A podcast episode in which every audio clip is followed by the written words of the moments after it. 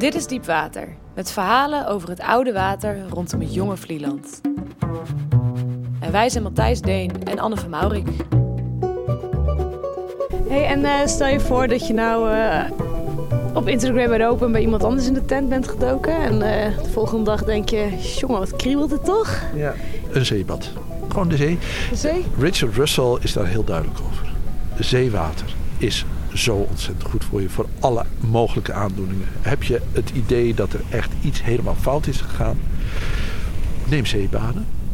Niet meteen eh, gewoon zomaar bam de zee in. Maar dat moet je rustig gaan opvoeren. Je begint met de zee in te gaan en je door vier golven te laten bedekken. De volgende vloed neem je er vijf. De volgende vloed neem je er zes. Zorg dat het niet te prettig wordt. Hè? Dus als je het idee hebt van dit wordt aangenaam, zo gauw mogelijk de zee uit.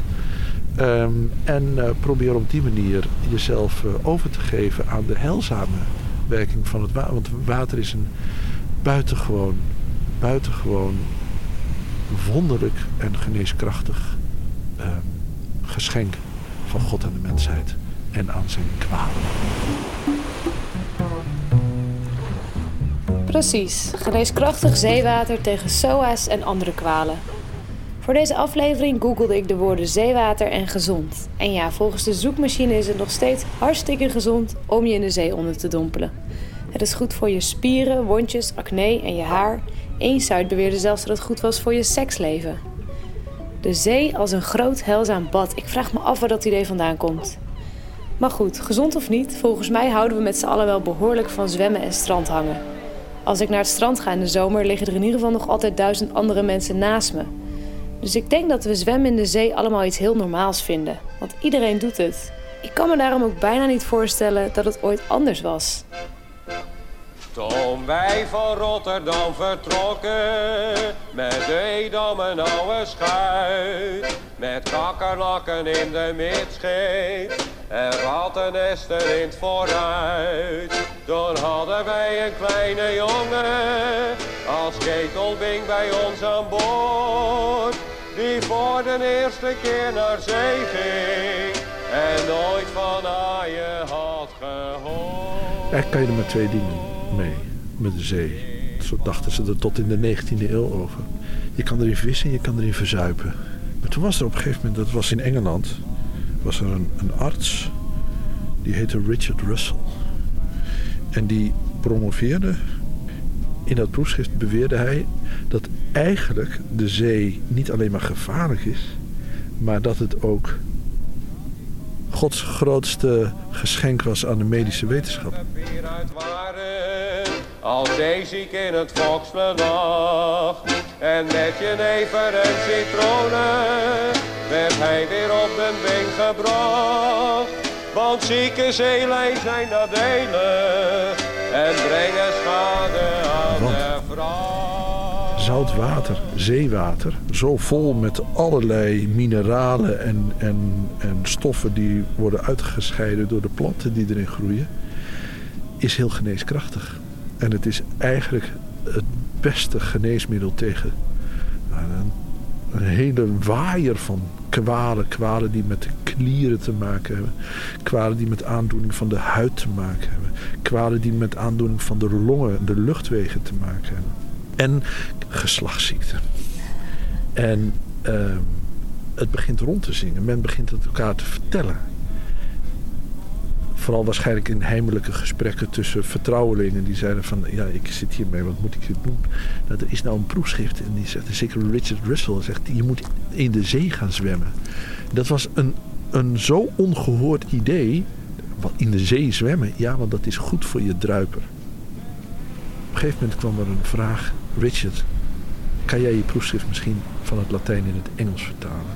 Want er is toch wel heel veel vraag naar je inzichten. En toen de stuurman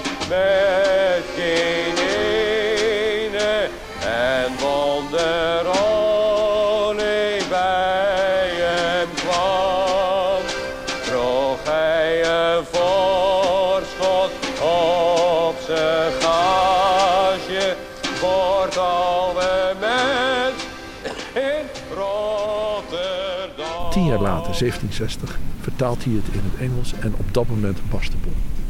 Want dat wordt opgepikt aan de kusten van Engeland, dat wordt opgepikt aan de kusten van Frankrijk en vooral in Duitsland. En in Duitsland ontstaan dan de eerste badplaatsen op, op het Waddeneiland Noordenij. Daar gaat men op een gegeven moment onder medisch toezicht, volgens richtlijnen van artsen, gaat men de zee in. Dat moest onder medisch toezicht. Het uh, Noordzeebad Noordenij, daar was een badearts. En die badearts die zei, als je de zee ingaat, dat is, voor, dat is heilzaam, maar met mate. En er was een hele lijst aan voorschriften waar je aan moest voldoen als je de zee inging. Want het was een medische behandeling. Het was niet voor je plezier. Het was niet voor het genot. Op het moment dat de zee genotvol begon aan te voelen, moest je er heel gauw weer uit. Want dan zou dat het medische heilzame effecten niet doen.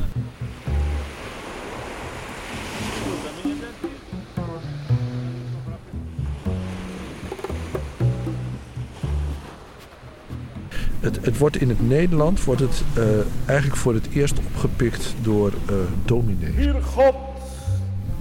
Dus een Groningse dominee, die, dat heet dominee Amshof. Die was 50 geworden. Hij had last van een ernstige midlife crisis. Och heren, het straft ons niet in uw toorn. En de kastijdt ons niet in uw grimmigheid. Hij had enkel één scharminkeltje op de wereld kunnen zetten. Dus hij leende drie nichtjes uh, in mooie panfluitgewijs geordende leeftijdsverschillen. En nam zijn vrouw mee en psalmen zingend ging het naar Noordenij.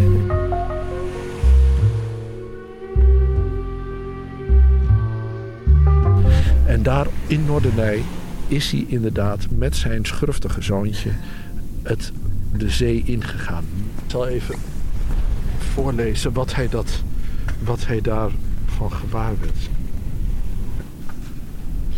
Bad Noordenij was in de halve eeuw van zijn bestaan zo populair geworden dat de 150 badkoetsen in een oogwenk bezet waren en de overige badgasten op het strand samen dromden, een nummertje moesten trekken en wachten tot de Alte, de badmeester, het zou afroepen. Amshof nam plaats op een bank en maande zijn opgewonden zoontje tot kalmte. Hij had aan het ontbijt al uitgelegd dat men niet zomaar onder alle omstandigheden kan baden. Eten en baden bijvoorbeeld was een risicovolle combinatie.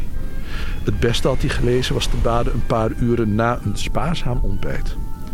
En als het tijdstip van de vloed dat niet toeliet en de zee kwam rond etenstijd, dan zat er voor de badlustige niets anders op dan de maaltijd te vervroegen of uit te stellen. Direct na het eten was het ronduit gevaarlijk om in zee te gaan. Ook wie de voorgaande dag te zwaar getafeld had en met maag- en darmproblemen had wakker gelegen in de nacht, moest zich er maar beter niet aan wagen. Nuchter en beheerst, maar onbevreesd, vrolijk en onbevangen. Dat was de juiste gemoedsbeweging om een zeebad te nemen.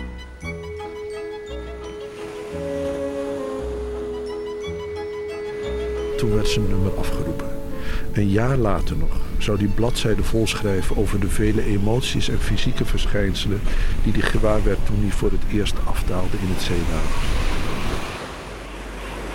Al spoedig horen wij in de verte haar razen en bulderen. Het is niet vreemd te achten dat zij, die dit voor het eerst aanschouwen, in angstig gevoel door de leden voelen rillen bij de gedachte dat ze zich weldra in dat zwalpend nat zullen moeten begeven en door hetzelfde als laten begraven.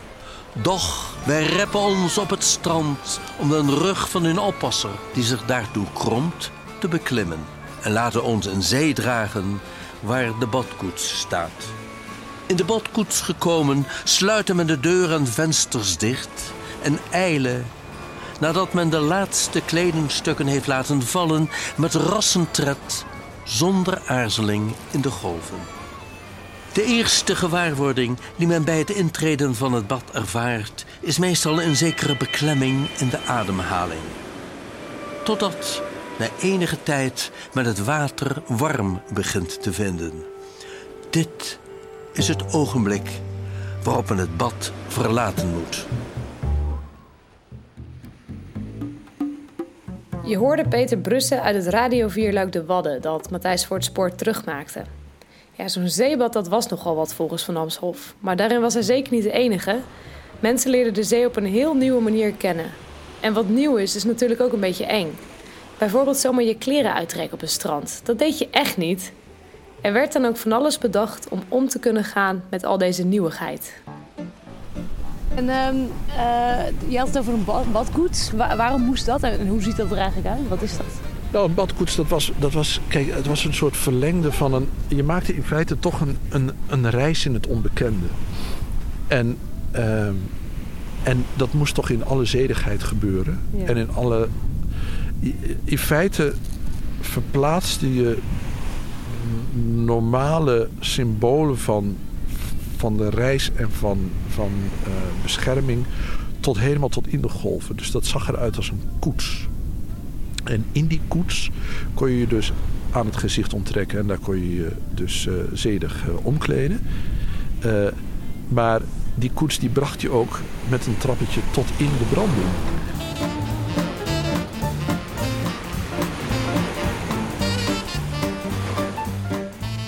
Moest die branding in. Dus het, het gaf je toch tot op het laatste moment een zekere bescherming tot het zover was. Ja. En dan daalde je van het trappetje af. Ja. En, en, uh, en was je een, uh, bij de vrouwen was er dan over het trappetje nog desgewenst een, een kap die je naar beneden kon trekken, zodat niemand je kon zien. Ja.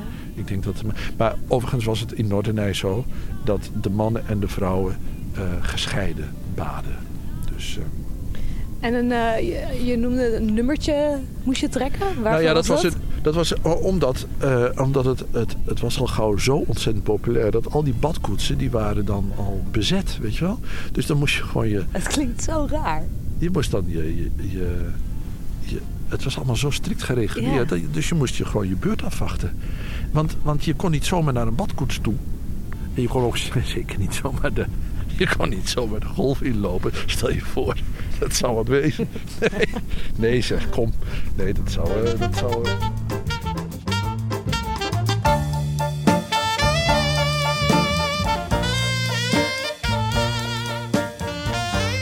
Kijk, waar, waar angst is, is controle. Waar controle is, is angst.